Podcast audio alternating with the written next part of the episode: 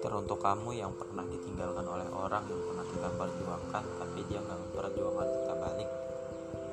Gak apa-apa.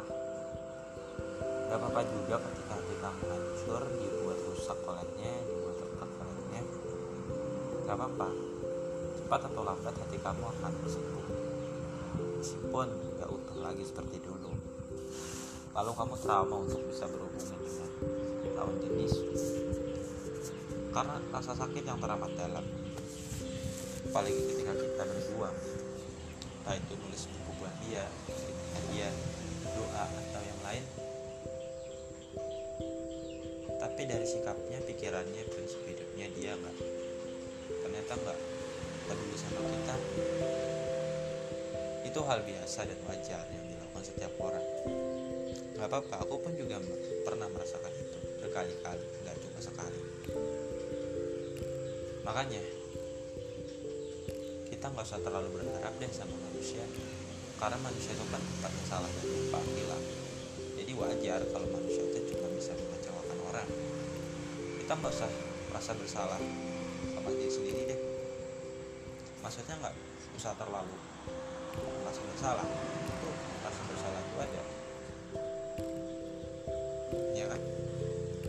masalah ketika hati kita terluka mata menangis gerakan tubuh udah lemes banget?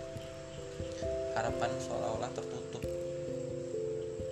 Terus kita bertanya sama diri sendiri sebenarnya apa yang aku perjuangkan kalau dia sendiri nggak perjuangan aku? Kalau di dalam lagu cinta bertepuk sebelah tangan. Menyedihkan ya ketika cinta itu bertepuk sebelah tangan tapi ya mau gimana lagi? Soal hati kan nggak bisa bohong. Kalau emang nggak suka ya nggak suka. Udah titik. Baru ada terusannya ketika hati saling suka. Boleh jadi berujung pada pernikahan. Boleh jadi. Tapi setiap orang kan punya prinsip. Beda-beda ya ada yang mau fokus kuliah ada yang mau fokus kerja fokus sama karirnya. Bahkan orang Jepang sebagian besar mereka gila kerja.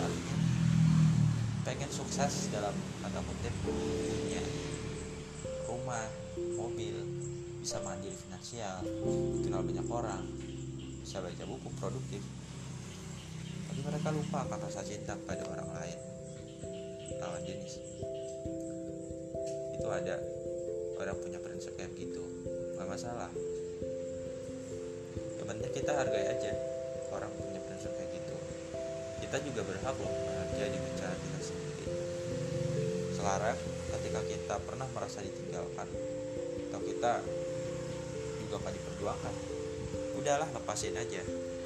Cepat atau lambat kita akan terima hal itu menerima kenyataan. Kita akan tahu hikmah yang ada di baliknya hidup ini kan sebenarnya skenario dari Tuhan ya. Kita adalah aktor dan aktris pelakon dalam suatu film. Bagaimana kita memerankan pelakon tersebut dengan baik? Itu yang harus kita lakukan.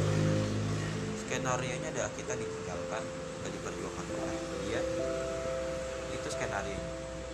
Tapi kita bisa milih bisa memerankan pelakon tersebut. Kita bisa memilih untuk bangkit untuk belajar dari kasus bukan cari yang lain ya tapi untuk tobat menyesal dan melakukan hal-hal yang penting dari itu